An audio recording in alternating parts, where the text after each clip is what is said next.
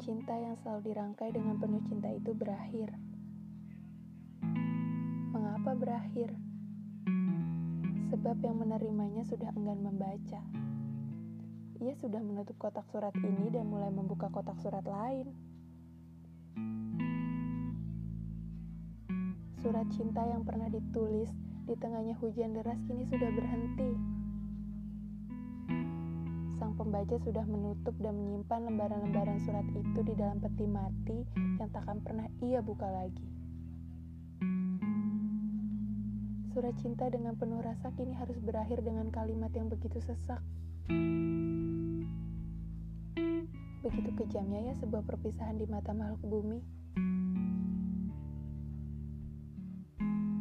Cinta itu harus berhenti dalam genggaman yang menyakitkan dan air mata yang sejak awal selalu deras mengalir. Lalu bagaimana kisah si penulis surat cinta ini? Ia akan menulis surat cintanya untuk siapa lagi? Jika si pembaca kesayangannya pun sudah pergi. Jangan kalian tanya seberapa hancurnya si penulis ini sayap yang ia terbangkan tinggi bersama si pembaca patah dengan sadis. Bahkan kepingannya tidak tertinggal sedikit pun. Semua bersih. Hanya satu jejak yang si pembaca tinggalkan. Kenangan. Kenangan yang disimpan dan tertulis dalam surat cinta si penulis.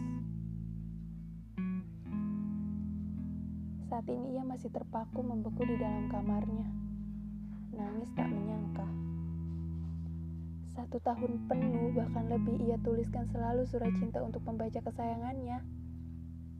Tapi siapa sangka bahwa yang ia anggap paling setia menghancurkan segala harapan dan kesetiaan yang selalu dijaga. Si penulis marah, sedih, apalagi kecewa. Ia mulai enggan melihat dunia ia enggan menjadi penulis dengan penuh cinta. Sebab rasa cintanya yang sudah dibabat hancur oleh pembaca yang ia percaya. Lalu bagaimana keadaan si pembaca yang sudah menghancurkan segala rasa? Wah, sepertinya ia terlihat sangat bahagia. Terlihat baik-baik saja saat memutuskan si penulis agar berhenti menulis untuk dirinya si pembaca sedang menikmati sebuah kebebasan, menikmati tak adanya larangan dan kebawelan di setiap waktunya. Si pembaca sedang menjalani rutinitas baru yang tanpa ia sadari, ia sudah menjadi pembaca yang paling kejam di bumi.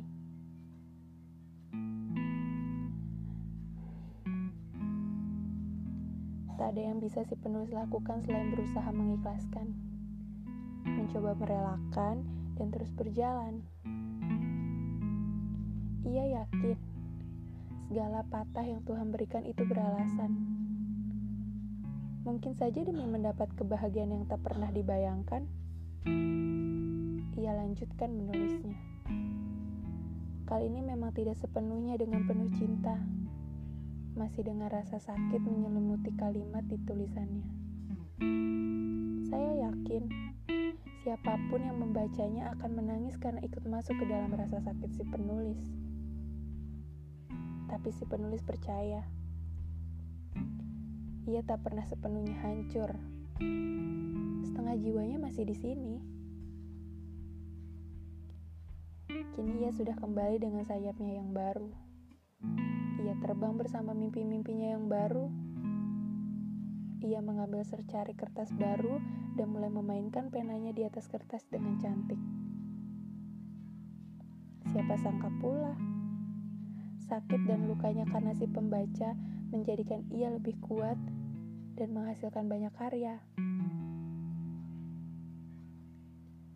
Si penulis mengatakan, "Tak apa kau patah hati, tak apa kau menangis tiada henti." Tak apa jika kau merasa dunia dan makhluknya begitu kejam. Tak apa, sebab semua hanya soal waktu. Soal penyembuhan yang berbeda. Kau hanya perlu menikmatinya, Kemudian kembalilah menjadi seorang patah hati yang ulung, bertransformasi sebagai seorang patah hati yang tak pernah berhenti untuk tersenyum. Kini, surat cinta itu kembali terbang mengelilingi langit di bumi.